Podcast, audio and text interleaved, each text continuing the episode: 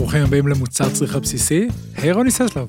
היי גיא רן, מה העניינים? בסדר גמור, בסדר גמור, איך את עם כל החום? חם, חם, אני חושבת שאנחנו מרגישים את ההתחממות האקלימית, כמו שאומרים, זה, זה לא, זה לא סתם, זה לא בכאילו, זה אמיתי וזה קורה. והחום הזה הוא גם זה ש, שנתן לנו עוד יותר את המוטיבציה להעלות את הנושא של אחריות סביבתית, מנקודת מבט של עולמנו הקטן והנפלא של יין. זה עוד הרבה יותר מחום, זה בעצם שינויים אקלימיים, אנחנו מדברים על שיטפונות, אנחנו מדברים על, אה, על גלי קור, גלי חום, על אה, ירידה בתפוקה, ב, ביבול, בפגיעה בחיי אדם, שריפות בכל העולם. העולם סביבנו סוג של משתגע בשנים האחרונות. הייתי רוצה להגיד, העולם זה אנחנו אלה שהשתגענו עם היחס שלנו אליו, אנחנו נכון. עכשיו מנסים לשנות את זה ולתקן את זה. אה, כל אחד בדרך שלו, אם זה להוריד צריכת זבל, להוריד...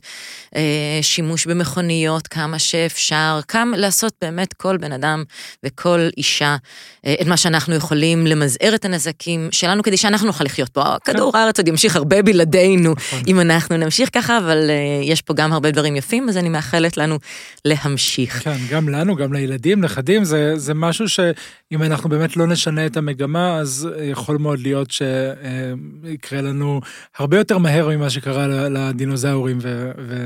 נמשיך למחזור הבא של כדור הארץ. כן, אז, אה, אז זה הביא אותנו באמת גם להסתכל דרך הפריזמה של היין, של מה קורה מבחינה חקלאית, מה קורה מבחינה ייננית, אה, איזה השפעה סביבתית, חברתית יש אה, ליין על, על הכדור שעליו אנחנו חיים. בהחלט, בהחלט, ויין זה מוצר צריכה בסיסי, ויין זה משהו שמלווה אותנו כבר הרבה מאוד שנים, ויין הוא אה, מרכז עולמם של אה, לא מעט אנשים, הוא משפיע מאוד, יש לו תביעה קרבונית על, העולם, הוא משפיע אה, על האקלים, על החקלאות העולמית, על הובלה בעולם, על משלוחים, על עשייה יעילנית, ואם אנחנו בפרק הקודם קצת דיברנו יותר על הצד החקלאי, היום אנחנו ננסה להתמקד קצת יותר בחלק היעינני, בעשייה, ביקב. כן, בעצם מה, מה יקב יכול לעשות, כבר עושה, אה, צריך לעשות בשביל להמשיך לייצר יינות נפלאים, אה, אבל עם מינימום נזק. ויש לנו מרואיינים מקסימים ומעניינים איתנו היום. מאוד מאוד מעניין מה שהולך להיות היום. המרואיין הראשון שלנו הוא סופר, עיתונאי, צלם, קורם, יינן, הכל ביחד, וידוע בכולם. השם שלו הוא אה, צור שייזף. מי שלא מכיר את אה, צור שייזף, זה הזמן לעשות רגע הפסקה, ללכת לוויקיפדיה, לקרוא את הערך ולחזור. ולנסוע לבקר אותו ביקב, וואו, כמובן. לגמרי, לגמרי. יהיה לכם אה, פודקאסט להאזין אליו במהלך הנסיעה. הוא קורם ויינן שהחליט להיות בכל מקום שקורה בו משהו מעניין. אה, ובעצם הבחירה היא לעבור לנגב, לעבור אה, למדבר ולגדל את הכרמים שלו דווקא שם, דווקא במקום שמתאים אולי לפילוסופיה שלו, לתפיסה שלו, אה, ואולי נשמע קצת ממנו. שלום צור, תודה שהצטרפת אלינו. אהלן צור. בוקר טוב, מה שלומכם? מצוין, מצוין, איזה כיף שהצטרפת. אנחנו סיפרנו קצת למאזינים על, על העשייה שלך ועל המקום שלך, אבל אה, אולי ניתן לך קצת לספר, כי אני חושב שאתה עושה את זה הכי טוב שאפשר. מה בעצם אה, אתה עושה שם במדבר? שאלה מצוינת. אה, בעיקר אני, יש לי פה כרם ענבים של כמעט 50 דונם, שהוא כרם מאוזן, זאת אומרת, מאוזן זה אומר שהוא לא מרוסס והוא בלי דשן כימי ומשם מתפתחים כל מיני דברים טובים ואת ה... אנחנו נוהגים אה, להגיד שמענבים טובים עושים יין טוב, אז אנחנו גם עושים כמה אלפי בקבוקי יין אה, מיקב קטן שנמצא בתוך הכרם, וזה יין טבעי. אז זה בעצם מה שאני עושה פה, ובזמן שאני לא עושה את זה, אז אני כותב, ואני מצלם, ואני נוסע, ו... להשתדל לחיות חיים של בן אדם. יפה. מה זה אומר יין טבעי מנקודת המבט שלך? מה הדברים שחשובים לך אה, בגידול ובעשייה? אז קודם כל אני אומר, העניין הזה של אה, יין טבעי לא יכול להיות בלי כרם טבעי. בעיניי, יש אנשים שחושבים שהם יכולים להתחיל ישר מהיין, אני תופס את זה בתור תפיסה הוליסטית. ולכן אה, קודם כל הכרם חייב להיות אה, אה, כרם טבעי ומאוזן. ואני תכף אסביר את המונח של מאוזן, כי הוא, הוא כולל בתוכו את מה שאנחנו הרבה פעמים אה, קוראים אורגני או טבעי, והוא בעצם יותר רחב ממנו. כי כשאני הגעתי לפה אז כמובן אמרו לי שאני חייב לרסס ואני חייב להשתמש ב, אה, בחומרים כימיים על מנת לדשן ואני לא כל כך רציתי את הדברים האלה אה, מכיוון שחשבתי שאני מעדיף כרם אה, אה, נקי מכל הדברים האלה. אני חייב להגיד שזה שהכרם נמצא בנגב, ברמת הנגב הגבוהה, בגובה של 800 מטר, במזג אוויר מאוד מאוד יבש, הוא כמובן מקל עליי את כל הנושא של מזיקים. אבל מה שקרה זה שמרגע שאני אה, בעצם לא הפרעתי לצמחיית הבר להתפתח בין השורות, מה שקרה זה שהצמחייה הזאת בעצם נקבע את הלס. הלס זה חומר בגרגר, 7 מילימטר גשם מים, הוא נאטם ואז השיטפונות מתפתחים עליו. ברגע שיש שביעת בר, אז זה מגביר את חדירות המים, זה בעצם הופך את האדמה לספוג, אז בהינתן שיש גשם ושיטפונות, כמובן מקבל הרבה מאוד מים טבעיים, המים הטבעיים מגדלים עוד עשביית בר, עוד עשביית בר, עוד חדירות של מים, ונוצר אה, בעצם, כל הצמחייה פה התחלפה מצמחייה מדברית לצמחייה ים תיכונית, ועל הדבר הזה, בתוך המרק הזה, אה, אה, ב-2015 הגיע מכון לחקר המדבר וביקשו לבדוק, ומצאו שיש את כמות החרקים הטובים הגבוהה בנגב, חרקים טובים זה פרט שבע נקודות, פרט משה רבנו, יכלת הקנמות, אין הסעה של קנמות. יותר מזה, אחרי זה התברר שבעצם לפי מחקר של אוניברסיטת אוקספורד, שמחקר בין כמה שנים, על השורשים של הגפנים אה, וכל הצמחים, לא רק הגפנים, יש פטריה שיתופית שנקראת מיקוריזה. מיקוריזה יודעת להעביר מידע. אם הייתי מרסס בין השורות לצורך העניין את העזבייה, הייתי בעצם מוותר את הכרם לשורות שורות. בעצם זה שלא ריססתי אותו, בעצם ייצרתי רשת של מיקוריזה שמעבירה מידע ממקום למקום, וזה מה שמייצר בעצם את הכרם המאוזן. עכשיו, כמו שאמרתי, אצלנו כתוב, ענבים טובים עושים יין טוב. כיוון שהענבים פה מתפתחים באופן טבעי, והכרם למד מההתחלה, הוא לא קיבל הגנות לצורך העניין. ובשנים הראשונות הוא לא היה באמת עם תפוקות מאוד מאוד גבוהות, אבל הכרם למד אה, בעצם להיכנס לתוך המדבר, וגם כן הפנינו אליו את המים הטבעיים, את מי השיטפונות, וזה הגיע לזה שבעצם הקרן פחות מושפע נגיד אה, ממזג האוויר, מכל מיני קיצוניות, והוא גם כמובן, הוא, מכיוון שיש בו הרבה חלקים טובים, אז הוא יודע להתמודד עם מזיקים, כל פעם שיש עלייה של מזיקים, אז יש עלייה של חלקים טובים, ובסופו של דבר מקבלים גם פרי מאוזן, מאוד מאוד טעים, ועל מנת להימנע, ופה אנחנו עוברים כבר לעניין של היין, כי על מנת להימנע נגיד משימוש בחומצה טרטרית, אנחנו בוצרים את הענבים שלנו, גם את הלבנים וגם את האדומים, יחסית בסוכר נמוך, אבל בחומצה גבוהה. רק למי שלא מכיר, אה, חומצה טרטרית זו חומצה שמקורה בענבים, ונוהגים להוסיף בהרבה מאוד מהיקבים, אה, מהעיינות בארץ, כדי להוסיף חומצה ליין, כי לעיתים קרובות חסרה קצת חומצה כן, שזה ייתן רעננות וחיות ליין. יין עם חומצה נמוכה הוא קצת מרגיש אה, כבד ועייף. כן, אז אצלנו זה פחות קיים הדבר הזה, ויש עוד דבר. אנחנו בוצרים, אנחנו בעצם לא משתמשים אה, בשמרים ממעבדות. השמרים שעושים לנו את התסיסה, התסיסות אצלנו הם מה שנקרא ספונטניות וטבעיות, או טבעיות וספונטניות. זאת אומרת, הן מתחילות, ספונטניות במובן הזה שהן מתחילות ונגמרות מתי שהן רוצות, וטבעיות מכיוון שזה השמרים שלנו. עכשיו, אני לא יודע איזה שמרים יש לנו. יש לנו הרי, אנחנו מדברים על שלוש קבוצות עיקריות של שמרים, של האגרסיביים, של ה... נקרא להם הבינוניים ושל החלשים. אנחנו רואים שהתסיסות אצלנו עובדות. כי מה שיכול לקרות גם, זה בטח קורה, וזה שבגלל שאנחנו עושים את כל התסיסות בתוך היקב הקטן שלנו, אז קורה שם שמרים בתוך היקב ש, ש, שבעצם תורמים לתסיסות גם אם הם משנה שעברה, זאת אומרת, יש לנו כבר מרבצים אה, לצורך העניין של הדברים האלה, והם מעוררים ומתחילים את התסיסות עם המקורות. עכשיו, אנחנו, מכיוון שכך, אנחנו לא מוסיפים בישולפית, אנחנו לא הורגים את מיץ הענבים שלנו ברגע שהוא נכנס ליקב, רק שנייה אחת ברשותך, ביסולפית זה חומר שנוהגים להוסיף בתעשיית היין, זה סוג של חומר מחטא, משמר של, ה, של היין, הוא גם נוצר באופן טבעי תוך כדי תהליך העשייה של היין. ועוד... זהו, זה שבעצם מונע מכל מיני מיקרואורגניזמים, אה, חיידקים, פטריות פחות רצויים לרוב, אה, ליצור גם אה, ריחות שאנחנו פחות רוצים אותם. נכון, וזה נהוג בכלל בתעשיית המזון, יש הרבה מאוד פירות מיובשים ובמקומות אחרים שצריך בעצם לשמר את המזון. גופרית בעברית קוראים לו, ואני רוצה להזכיר שהוא לא חדש, ויטרוביוס, מה שנקרא, אבי הארכיטקטורה הרומאי, כותב עליו לפני למעלה מאלפיים שנה, והוא מספר שככה משמרים יין.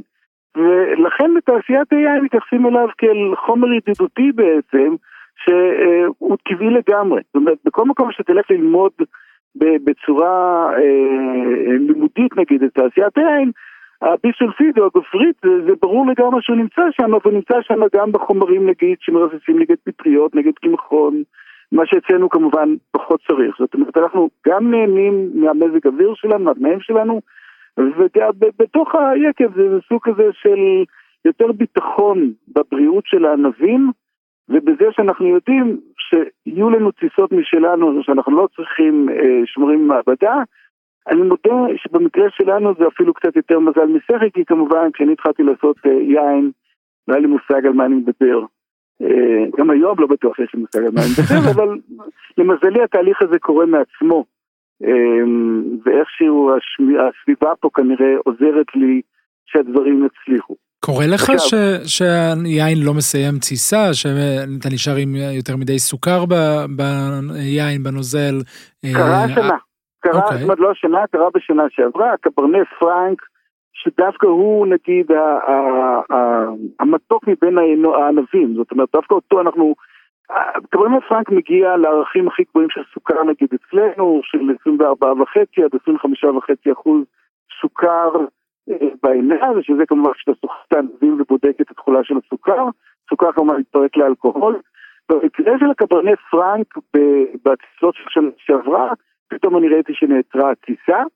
אה, מה שקרה שם שכנראה שהשמרים ייצרו בהתלהבות גדולה את האלכוהול מהסוכר, ואז כנראה הרגו את עצמם מעודף אלכוהול. ומה שאני עשיתי, אני העברתי את הקברני פרנק לחבית, הוספתי לו קצת מהסירה שעדיין טסס, והוא סיים את התסיסה, אבל עדיין נשאר בו מה שאנחנו קוראים סוכר שיעורי גבוה. ואז הוא נותן ליין איזה מין טעם מתקתק. עכשיו, זה, זה הדבר היחיד ש, שאני מכיר שקרה פה אצלנו במובן הזה, לא קרה שנשרו לנו טיסות בעבר בענבים אחרים, ואז יכול להיות שזה איזשהו משהו שמצביע שדווקא השפרים, הקבוצת שמרים שיושבת על הקברני פרנק, ייתכן שהיא קצת יותר חלוצה מאחרות, או שהיא נלהבת, או כל מיני דברים אחרים. אני חייב להגיד שאני לא בדקתי אף פעם במעבדה, אז כל מה שאני מדבר זה מניסוי הסתכלות, או נקרא לזה בעיקר ניסוי וטעייה. זה אחד הדברים שאפשר לומר עליי, לבן אדם שטועה הכי הרבה שנים. ואיזה, אני אשמח לשמוע גם איזה עוד פרקטיקות, איזה עוד דברים אתה נותן עליהם את הדעת אה, מבחינת הייצור ובעצם בכל הפן אה, הצרכני-מסחרי, כשאתה אומר, אוקיי, אני רוצה לעשות מינימום נזק, אני רוצה לייצר את היין הכי איכותי, אה, ומתוך פגיעה גם מינימלית. טוב, ברמה, אז... ממש ברמה הטכנית הפרקטית, מה אתה עושה דרך ההשקפת עולם הזאת? אוקיי, אז קודם כל בגלל שיש לנו מעט מאוד חשמל, אז uh, אנחנו דורכים על ענבים ברגליים. ממש כך, זה, זה, זה קטע סקסי אירוטי וזה גם מי שעושה את זה אצלנו, זה כמובן הבנות, ואני אומר להם בנות זה קטע סקסי אירוטי, הן מסתכלות עליהם ואומרות אוקיי, אז השמאי הזקן הזה יש לו הצעות בשבילנו. ואז הן נכנסות לתוך הסלי בריחה, וכמובן מאושרות, כי זה קטע נפלא. ואני אומר להם, תראו בנות, אני דורך בעצמי, אבל מישהו צריך לשפוך לרגליכם את הענבים, ואז זה קורה בצורה הזאת. בעצם אצלנו הכל קורה באופן ידני. עכשיו, צריך לזכור ככה, שאת הענבים האדומים, אנחנו משתמשים בחביות ישנות. כי אנחנו לא רוצים את הטעם של הווניל שיצפה את, ה, את היין, והענבים הלבנים, אנחנו בכלל עושים אותם בעצם ב... אה, אנחנו עושים אותם או בנרוסטה או בכדי זכוכית, בדמיג'נים, ומכיוון שעוד פעם אין לנו קירור אה, אה, מכני, אנחנו פותחים דלתות בחורף, בשיא החורף בדצמבר-ינואר שהטמפרטורות פה יורדות מתחת לאפס, וככה אנחנו בעצם עושים את הייצור של היין. יפה, אז בעצם שימוש ב, ב, בתנאי הטבע. בשביל אה, שיתאימו וישמשו גם לשלבים של הייצור. הטמפרטורה נמוכה בחוץ, תעזור כן. נגיד לעיצוב של, ה, אה, של החומצה הטרטרית. שקיעה של המלחים. עכשיו, יש עוד דבר שאנחנו עושים, אנחנו כמובן, אה, אה, כשאנחנו מבקבקים ועושים את כל הדברים האחרים, אה, מעבר לדברים האלה, רוב התוצרת שלנו נמכרת ביקב. זאת אומרת, אנחנו בכלל, אנחנו עושים מעט יחסית, עושים 4,000-5,000 בקבוקים שדי נגמרים כל שנה, אה, ומעט ממנה הולכת לכמה מסעדות בתל אביב, חנויות, כמה חנויות, ובעיקר באזור מצפה. הרוב נמכר פה, אז גם מבחינת העניין הזה של הנאה של היין ודברים אחרים, אז רוב הדברים האלה דברים מקומיים, אנשים מטיילים, נכנסים, אנחנו לגמרי במובן הזה תעשייה מקומית, אין לנו שום בעיה למחזר בקבוקים, זאת אומרת, אנשים שתו אצלנו יין, שוטפים, מייבשים, הבקבוק הזה חוזר לייצור כמה שאפשר, וצריך לזכור עוד דבר, כשאנחנו אה, מבצעים את כל הסחיטות אצלנו, בסופו של דבר אנחנו לוקחים את הגפת, נגיד, של הלבנים, ונותנים לה לצוס, ואז מזקקים אותה לגרפה, mm-hmm. ואחרי זה אנחנו לוקחים את כל מה שנשאר ושופכים אותו בקרן.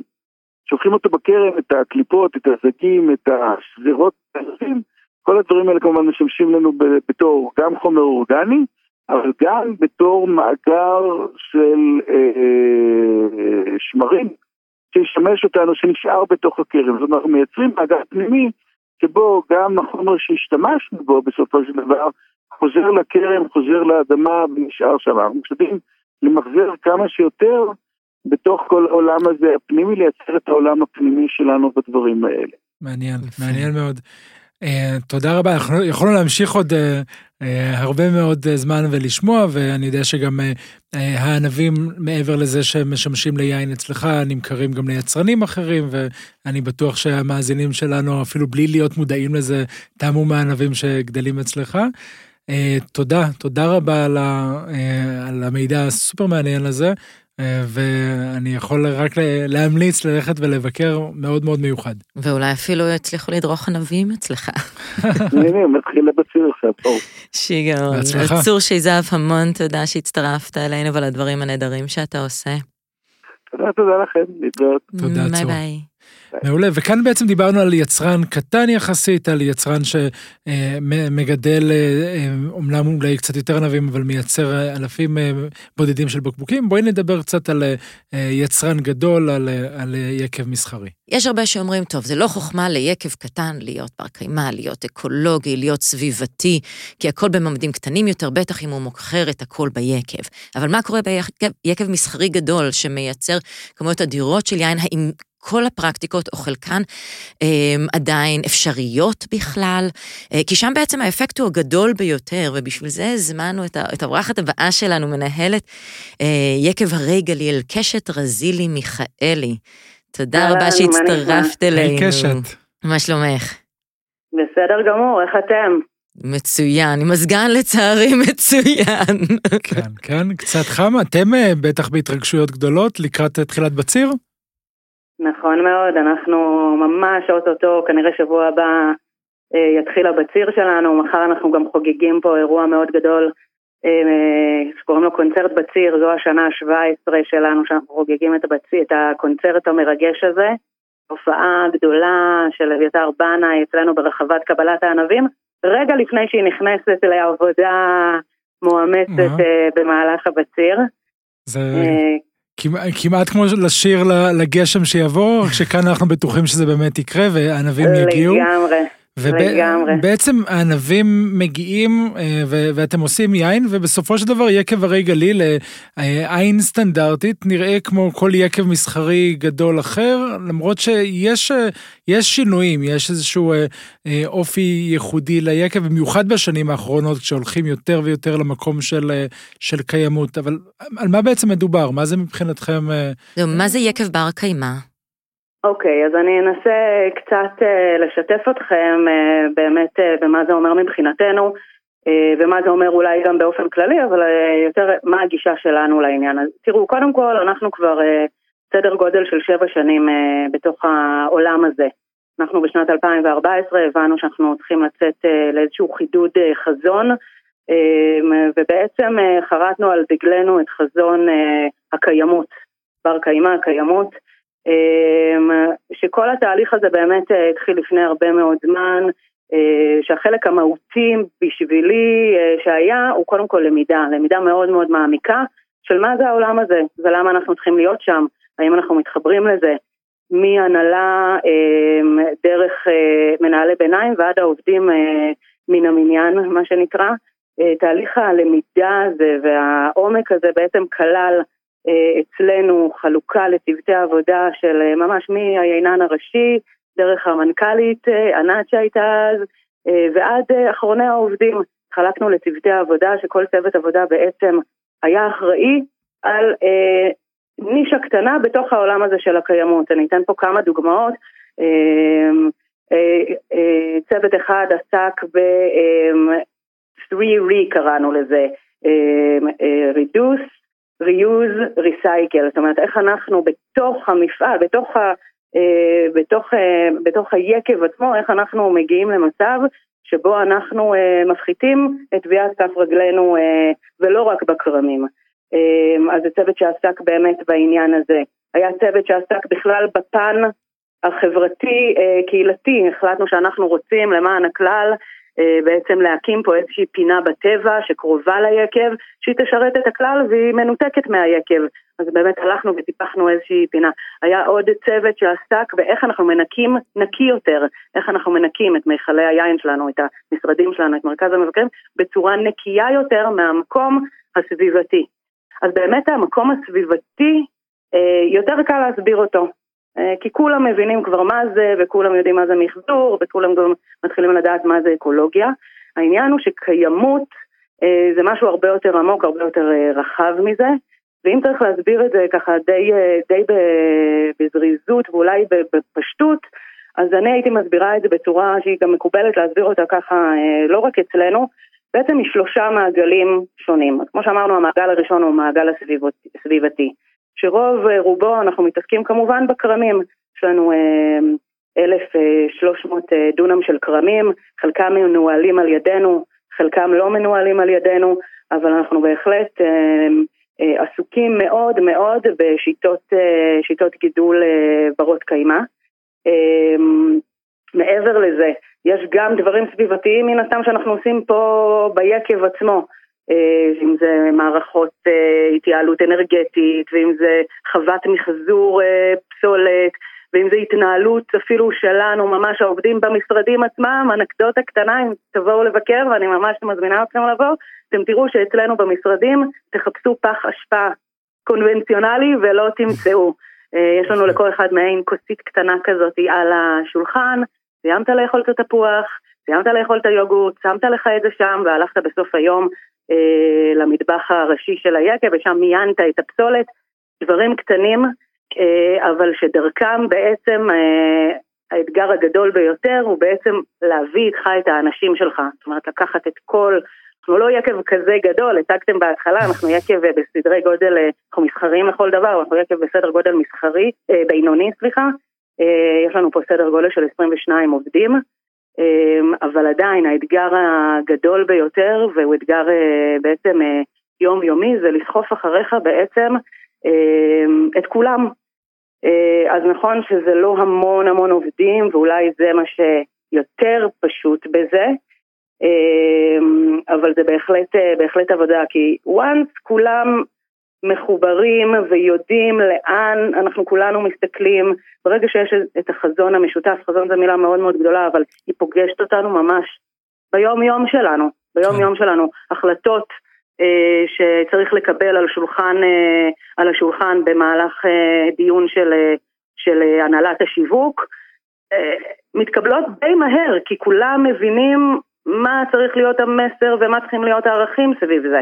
Okay. אוקיי. אה, גם בהנהלה שלנו, זאת אומרת די ברור, די, אה, די ברור לאן, אה, לאן צריך ללכת. Okay. אוקיי. משאלות גדולות עד שאלות באמת של חיי היום-יום, שאלות קטנות של, לא, לא כך קטנות, אבל של איזה מוצר, איך המוצר ייראה, איך ייראה מדף המכירה, איך ייראה מרכז המבקרים.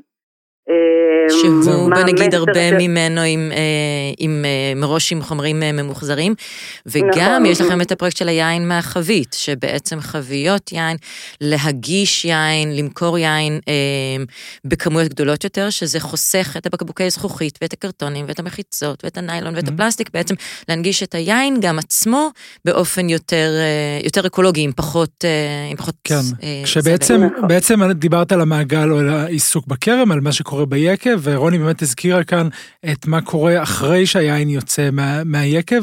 איפה באמת, מעבר לחביות, שזה, שזה יופי של מוצר, איפה יש לכם עוד איזושהי נגיעה במקום ש, של אה, הצרכנים וה, והקיימות ב, ב, בהקשר הזה, כשהיין יוצא מהיקב? אז, אז תראו, קודם כל, אמ, אה, אנחנו הבנו שעצם המוצר שיוצא מחברה, מיקב במקרה הזה, שבאמת אה, עוסק בקיימות ויש את הערך הזה כערך מאוד מאוד גבוה אצלו, היום צרכנים מחפשים את זה. אתה שואל מה מגיע לצרכנים, אם ב-2014 שרק התחלנו לעסוק בזה ולהתחיל ככה להוציא את זה החוצה, הרגשנו באמת, כשמסתכלים עלינו בעין עקומה, רוב הצרכנים לא הבינו על מה אנחנו מדברים, לפחות לא בתעשייה שלנו. אז היום זה אחר, היום זה אחר ואנחנו מרגישים ש... שהלקוחות הם אלה שמבקשים את זה. יפה. אז נכון שעוד לא כולם, ונכון שלא בישראל לא ברמ, במידה כזאת כמו שהיינו רוצים, אבל זה ברור, זה ברור היום שלא רק בתעשייה שלנו, אלא כל חברה היום מנסה אה, ללכת לכיוון, ומבינה שהיא צריכה לעשות תהליכים עמוקים ואותנטיים, זאת אומרת, לא רק לבוא אה, ולהיות, אה, לעשות איזשהו, איזשהו מהלך green washי כזה או אחר, אלא באמת באמת לעסוק בזה ביום יום. Okay. אוקיי. אה, מעבר לזה אנחנו, אני מניחה שלא רק אנחנו, אבל אנחנו באמת, באמת דוגלים ו... ורואים את הערך בשיתופי פעולה שבסופו של דבר מביאים לכלכלה מעגלית. יש לנו את השיתוף פעולה עם נספרסו, שאני מניחה שאתם מכירים. Okay. כן. בעצם נספרסו גם חברה חברה מקיימת מאוד שבאה ואומרת שאת הקפסולות, היא מעודדת את הצרכנים שלה להחזיר את הקפסולות של הקפה, את האלומיניום של הקפסולה עצמה הם הולכים וממחזרים, אה, אני חושבת שלתעשייה כלשהי, ואנחנו בעצם מקבלים את, ה, את הקפה אה, כחומר בעצם ל, אה, לעשות ממנו קומפוסט. ואנחנו ביחד עם גרין קומפוסט, שזו חברה שעושה קומפוסט לא רחוק מאיתנו באבן מנחם, בעצם מייצרים קומפוסט מהקפה הזה. Okay. אוקיי. אז זה עוד, עוד, זאת עוד, עוד דוגמה לשיתוף פעולה שבסופו של דבר מגיע, מגיע לצרכנים, שוב, לא כ, כמוצר, אבל כמשהו באמת ש, שמדבר אליהם והם, וכולם okay. יכולים להבין ולהתחבר. יש לכם בעצם אליי. אה, נתונים לאפקט של מה שאתם עושים? זאת אומרת, ברור שהמעשים עצמם, הכוונה היא לחלוטין ברורה, אבל האם יש גם נתונים מדידים שבאים ואומרים, בסופו של דבר ייצרנו פחות פסולת, בסופו של דבר פגענו, ייצרנו פחות אה, אה, פליטות אה, של גנים, של גזים אה, מזיקים כאלה ואחרים, או אה, פגיעות אחרות? כן, כמובן. בשביל הדברים האלה יש גם את התקנים, יש את, ה, את התקנים למיניהם, אם זה איזו סביבה, ואם זה אה, בכרמים אה, אה, אנחנו, ויקב רמת הגולן בעצם שייכים לתקן שקוראים לו לודה רולס, ככה שיש תמיד את התקן שגורם לך להשתפר מדי שנה, למדוד את עצמך, לבקר את עצמך, בהחלט, ולשפר ולתקן איפה, ש, איפה שצריך, ותמיד אפשר לשפר, ותמיד אפשר לתקן, זה חלק, זה חלק מהתהליך, זה חלק מה... חלק מהעניין. מהחיים, ובאמת, כן, ש, שזה לא משהו שמתחיל ונגמר, אלא משהו שממשיך, ואני רואה באמת שכתבתם שבזכות אה, גם החשמל, אה, אה, הסולארי, נכון שאתם משתמשים, הצלחתם כן להפחית את הוצאות החשמל, אמ, כן אפשר לראות אה, בדיוק דברים אמיתיים, וכמו שאמרת, לא רק green wash, אלא באמת השפעה פרקטית, פיזית, אמ, שהשינויים האלה יצרו. מעולה, והלוואי שיקבים נוספים בינוניים וגדולים אה, כמוכם, אה, ייקחו, ייקחו ויאמצו את, הגישות האלה וימשיכו וישפרו. אנחנו רואים שזה קורה, אנחנו רואים שזה קורה, וזו אדווה לא פחות חשובה מ... בעיניי, מלהפחית באמת את צריכת החשמל או להפחית אנרגיה באופן כללי. אה, האדוות האלה שזה יוצר בתעשייה שלנו, בסביבתנו, בקהילתנו, פה בגליל העליון, זה דבר מאוד מאוד חשוב, הוא בלתי מדיד, אבל הוא בעיניי אה, לא פחות חשוב, אה, לא, לא פחות חשוב מזה. בהחלט, יופי קשת, המון תודה, הלוואי ועוד יצטרפו אליכם ו... ונפגוש שכל היקבים בארץ יהיו ברי קיימא, יהיו עם מודעות כזאת. המון תודה על כל מה שאת עושה. תודה רבה לכם. בשמחה. להתראות. האורחת הבאה שלנו, אפרת אנזל, האישה והאגדה, ש, שעושה כל כך הרבה דברים, מייעצת ומלווה קולינרית בפרויקטים הכי שווים, הרבה מהם מתעסקים גם בזירו וייסט. היא מנחה את הפודקאסט המפורסם והמרתק, לדבר זה לא משמין, עם אורן לוקסי, הנחתה תוכניות, אוכל ולייפסטייל בערך בכל הערוצים, כתבה בכל העיתונים, וכשטעים לה היא בוכה. אישה אהובה שאת, אפרת, איזה כיף שהצטרפת אלינו. אהלן אפרת. זה הדבר, קודם כל שלום, זה הדבר הכי חשוב שאמרת, שטעים לי אני בוכה. ממש, זה כל כך יפה לראות אותך. זה, זה פשוט, כאילו, זה אומר הכל. כן, זה הרגע הזה שבו אני מתייחדת עם הביס, ואני מבינה שזה רגע ש... שהוא גם רגע של פרידה. אני חושבת שאני בוכה כי אני מבינה שאוקיי, זה עוד שנייה נגמר. כן. אמ, את, יש לך בעצם, רצינו ככה לדבר איתך, דיברנו עד עכשיו אה, אה, עם צור שייזף, שהוא מדבר בנושא הקיימות, גם מבחינת הכרם וגם מבחינת היקב, ועם קשת אה, רזילי מיכאלי מיקב הרי גליל, שמדברת על כל ההיבט הקיימות בצורה של יקב רחב יותר, ועכשיו נשמח אם תשתפי אותנו בצורה אפילו עוד יותר רחבה, מבחינת המשמעות בכלל שקיימות בהיבט הקולינרי. אמ, למה זה כל כך חשוב? איך זה נראה בפועל? וואו. קודם כל זה נושא ענק, אבל באמת אה, מבחינתי קיימות בקולינריה זה שני נושאים ששזורים זה בזה. אה, אנחנו שבאים מתחום האוכל, יש לנו יכולת להשפיע כל כך הרבה על הפלנטה, בעצם בכל ביס ובכל בחירה שאנחנו עושים, בין אם כאכלנים בעצמנו ובין אם כיצרני תוכן או בעצם מתווכי ידע. אה, לקהל הרחב. כלומר, יש לנו יכולת להשפיע עמוקות, בטח ובטח אם אנחנו גם אה, מסעדנים. אה, אם נפרוט את זה לשטח, את יודעת, אז אם אני בבית שלי אפחית את האוכל, את הפסולת שאני זורקת, אני אשפיע בקטנה, אבל מסעדה שעושה שינוי תשפיע הרבה יותר. ואני חושבת שהיא תשפיע הרבה יותר לא רק במובן שהיא תפחית את הפסולת שהיא זורקת, אלא שהיא תהווה השראה גם לסועדים שאוכלים שם. כי אם אני הולכת אה, למסעדה ואוכלת מנה שיש בה למשל סלק, והמנה עושה שימוש בכל חלקי הסלק, אז קודם כל אני רואה מול העיניים צמצום בזבוז, אני רואה שעלי הסלק לא נזרקו לפח, אבל אחר כך אני חוזרת עם זה הביתה, ואני יכולה ליישם את זה. אז אה, עולם הקולינריה הוא... וואו, okay. אני היום אוקיי. חושבת שאסור לו אה, זה ממש יהיה פשע אם הוא לא יתייחס אה, לקיימות מה, מהרגע שהוא פותח את העסק אה, בבוקר ועד שהוא סוגר את הדלת בערב, והוא יכול ובקלות גם. וכשאת לוקחת את המקום הזה של יין בתוך עולם הקולינריה, מסעדות, צריכה של יין, איפה את רואה את הנושא של הקיימות בגישה, בהקשר הזה? אני חושבת שבבחירה. אני חושבת שלסומליירים ועוצרי היין בעסק, הם צריכים לתת את הדעת גם על זה.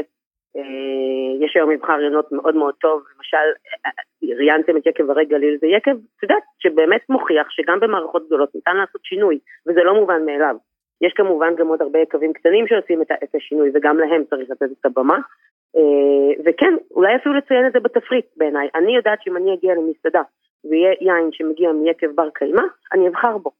אני, אני ארצה לתמוך בו, לתמוך בו אה, גם רעיונית וגם כלכלית. Okay. אוקיי. אה, אני חושבת שמאוד צריך אה, לקדם את המכירה בתוך אה, חביות גדולות או בתוך כלי קיבול יותר גדולים כדי להפחית את נפח הזכוכיות ואת נפח הפסולת שנוצר במסעדה. זה רק ככה על, על, על קצה המזלג. אני חושבת שצריך להעביר הדרכות כמובן את כל הצוות, כי למילים יש כוח.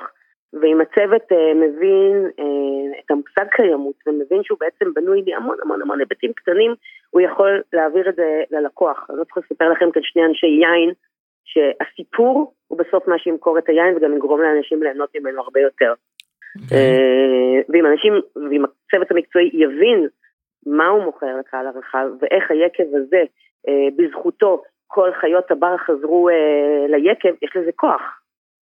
אוקיי. זאת אומרת, השינויים צריכים להיות מכמה כיוונים. גם מצד אחד באמת של היקב, אה, לעשות את כל הפעולות האלה, אה, המחדשות, המקיימות, המצמצמות אה, אה, פסולת ונזק בכלל, אה, וגם מהצד החינוכי, להסביר לה, אה, אם זה למלצרים, אם זה למכורים מחנויות יין, אה, על ההיבט הזה בבקבוקים האלה, וגם מבחינת בעצם הצרכנים שידעו לבקש את זה. ראיתי נכון. את זה באיטליה, אגב, בבית אה, אה, מלון בבוקר אה, סימנו את המוצרים שהם אפס קילומטר, שהם דברים שמגיעים מפה מהאזור. נכון, ואז אתה בעצם נותן ללקוח את הבחירה, האם אתה רוצה לתמוך בדבר הזה, רעיונית וכלכלית. כי ברגע שאנחנו צורכים משהו ישירות מחקלאים, זה אוטומטית, זה, בעצם הפעולה הכי מקיימת שאנחנו יכולים לעשות והיא הכי קלה בעולם. כן. אנחנו תומכים בחקלאות, אנחנו מאפשרים לחקלאי אה, להשתכר כפי שהוא ראוי להשתכר מהירקות האלה, ולא רשתות השיווק ששחטו אותו בשביל עוד כמה אגורות והפכו את גידול העגבניה ללא רווחי. אה, אז יש פה את האלמנט הזה, יש פה את האלמנט שברגע שאני קונה ישירות מחקלאים, אז אני גם מפחיתה את אה, השינוע, יש פה פחות בדרך, בדרך, יש פה פחות אריזות בדרך, אז גם פה אני תורמת לסביבה. יש, כלומר, אחר כך יש לי גם חקלאי שהשתכר כפי צורכו, הוא יכול את התשומות האלה להשקיע בקרקע, הוא לא חרד לפרנסה שלו, אז יש לו את היכולת הכלכלית הזאת. ומה שאני מנסה אבל להגיד בנקודה הזאת, שקיימות היא, היא מושג שהרבה אנשים תופחי, תופסים כמטרחן, וזה בסדר גמור שנשים את הדגש על uh, תתי מושגים שבסופו של דבר הם יוצרים עולם יותר מקיים. Okay. אוקיי. כלומר, אם לקהל הרחב יותר קל לחבק את המושג עונתי, סבבה. עונתי זה בהכרח יותר מקיים. כי זה פחות אה, אה, פירות שאוחסנו באסמים, שזה גם אה, אנרגיה שאנחנו מבזבזים, וזה גם בסוף הרבה פחות אה, מזין אותנו, וכו' וכו' וכו'. אז אה, אם לקהל הרחב יותר נוח עם המילה עונתי, אני שלמה עם זה, ואם למילה, לקהל הרחב יותר נוח עם יצרן קטן, שבסופו של דבר גם זה יותר מקיים, זה בסדר. ובכל זאת, בואו רגע נאתגר את עצמנו, ומחוץ לתל אביב רבתי, אה, אה, איך אנחנו כן מקדמים, האם אנחנו בכלל רואים שזה משהו שהוא ריאלי להגיע לקצוות המדינה, לקצוות העולם, המקום הזה של, של קיימות בהקשר של צריכת מזון, של צריכת יין? אני חושבת שזה קיים, זה, זה הולך ומתגבר בכל חלקי הארץ. אני חושבת שאם אתה נמצא במסעדה היום באזור הגליל, אז בהחלט אתה צריך לתת קדימות דברים שיוצרו שם באותו אזור. אה, ואני חושבת שגם זה יוצר גאווה מקומית אה, בקרב אנשים שהולכים, אוכלים שם ואומרים, אוקיי, אני תורם פה לסביבה שבה אני גר, ועל אחת כמה וכמה אם זה תייר שהגיע לאותו אזור והוא רוצה לחוות את הטרואר של המקום שבו הוא אוכל. כלומר, זה, שוב, אם אנחנו משתמשים ב, במושגים של עונתי מקומי, טרי, farm to table, חקלאות אורגנית וכו' וכו', אנחנו ממוססים התנגדויות ואנחנו להפך, אנשים רוצים אה, לאכול את מה שגדל מסביבם. תחשבו שאתם הולכים למצעדה, עכשיו הולכת להיפתח מצעדה בעמק חפר, mm-hmm. אין לי ספק בכלל שהכל כמעט הולך להיות שם תוצרת מקומית. כן. המסעדה של הנר ברמת השרון, אין ספק שהוא לא מביא עכשיו ירקות מהצפון הרחוק, הוא מביא את מה שגדל כאן. יפה, אז זה כבר הופך להיות דברים שהם באמת מאוד אה, ישימים, ולא רק מאוד. אה, נשמעים טוב, אלא באמת לקנות ישירות מהצרכנים, באמת לקנות באריזות או חבילות אה, כמה שיותר גדולות, ובאמת, כמו שדיברנו עם קשת מהרי גליל, על ה, בעצם מין מכלי יין שאפשר mm-hmm. למזוג מתוכם. בג אין הבוקס. בדיוק, בג אין הבוקס זה נפלא. Mm-hmm. שאנחנו רואים בעצם את השינויים האלה קורים, קורים לאט, אבל עדיין כן קורים. שאנשים אה, מסתכלים מסביב ואומרים, אוקיי, איך אפשר אה, לא רק אה, לצמצם את הנזקים, אלא באמת גם לתמוך בעשייה החיובית. כאילו, מן ה... ה לקנות ישירות מה, מהחקלאי, כמו שאמרת, לתת לו כן. בעצם את הכסף, כדי שהוא יוכל להמשיך לייצר ב, בשיטות האלה ובגישות האלה. איזה דברים אנחנו אה, צפויים לראות בעתיד? מה, מה החלום שלך? מה היית מאושרת לראות שקורה? החלום שלי זה שכמו שמאסימו בוטורה באיטליה, אתה יודע, שגריר של רצון טוב של האו"ם לכל הנושא של אה, קיימות, אז אה, כן, גם פה אנחנו צריכים שגרירים כאלה, אה, והלוואי, החלום הגדול זה שיהיה כאן תקציב מהממשלה שתאפשר לנו לעשות את השינוי הזה, כי זה שינוי שהוא חובה, בעצם אין לנו את הזכות לא לעשות את השינוי הזה. החלום הגדול שלי, וואו, החלום הגדול שלי שבדומה למה שקורה באירופה, אז פלסטיק יהפוך גם פה להיות מילה מגונה. כן. אמ, מדברים בכל תחזיות הטרנדים שתוך חמש שנים בערך פלסטיק באירופה יהפוך להיות מילה מגונה כמו נהיגה בשכרות או עישון. אז הלוואי שזה יקרה גם פה. בהודו זה לא אה, חוקי, הלוואי וגם פה. הודו שקיות פלסטיק יצאו מהחוק. וואו. כן, בהודו. הודו. כן. אם הם יכולים, אז בטח גם אנחנו. החלום הכי גדול זה שאנשים אה, אה, יבינו שזה לא הכל או כלום, שכל צעד קטן שאני עושה לקראת עולם יותר מקיים, הוא בסדר. אם הצלחתי אה, לזרוק פלסטיק אחד פחות ביום לפח, יש לזה המון משמעות. הרבה פעמים אנשים חושבים שבסדר, נו, מה, הפלסטיק הקטן הזה יעשה שינוי? כן, בוודאי. כי אם תשעה מיליארד איש מסביב לעולם יזרקו פלסטיק אחד פחות ביום, יש לזה בהחלט משמעות. אה, זה, זה, זה ענק, זה אוטופי, אבל זה, זה אפשרי. כן. אה, אני חושבת שאולי האתגר הכי גדול, וזה מה שהייתי רוצה שיקרה, זה לראות את הקיימות הופכת להיות מילה סקסית. Mm. שאנשים יבינו שזה מגניב לקיים, שזה לא אה, מטרחן, אלא שזה משהו שהוא, שהוא טוב ושהוא נכון ושהוא כיפי ושהוא קל מאוד לעשייה, ויש לי המון תקווה, כי הדור הזה של גרטה mm-hmm. הוא דור נהדר, כן. זה הדור שבאמת חי את החיים שלו ב"אתם הרסתם אבל אנחנו נתקן", והם יתקנו, אנחנו רק צריכים לתת להם לעשות את הדברים ולא להפריע להם. יפה. אז כן. בנימה זו, אה, עם עתיד ש, שיהיה יותר טוב, אנחנו אה, אה, הולכים לכיוון הזה, וכן, עברנו כל מיני טראומות כ, כמין אנושי, ומאה שנים האחרונות וכל מה שעבר עלינו, והצלחנו לייצר מספיק מזון היום לעולם, עכשיו בואו ננסה רגע גם לשמור על הסביבה עבורנו ועבור הדורות הבאים. בהחלט. אפרת, המון תודה על כל מה שאת עושה, והלוואי וכל חלומותייך יתגשמו. אפרת, ותודה שוב על הפודקאסט הנהדר שלכם, ואני אומר את זה גם כמעריץ, אה, מאזין לפרקים ומחכה מפרק לפרק, אז אה, תודה רבה, מאוד מאוד מעניין. כן, לדבר זה לא משמין, תקשיבו, אם אתם לא מכירים, בטוח אתם מכירים. תודה ענקית לכם שאתם נותנים במה לנושא הזה, אין כמוכם. תודה, אהובה. לא מאליו. תודה רבה. ביי ביי. ביי ביי.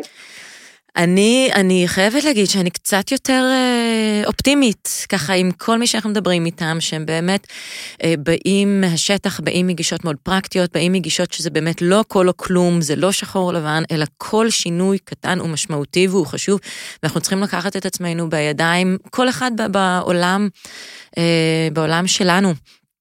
אה, ואנחנו רואים את זה קורה מבחינה חקלאית, ואנחנו רואים את זה קורה מבחינה אה, מסחרית ושיווקית, ו- mm-hmm. ופשוט פותחים עיניים ומסתכלים ומבינים שיש השפעות, יש השלכות למעשים שלנו.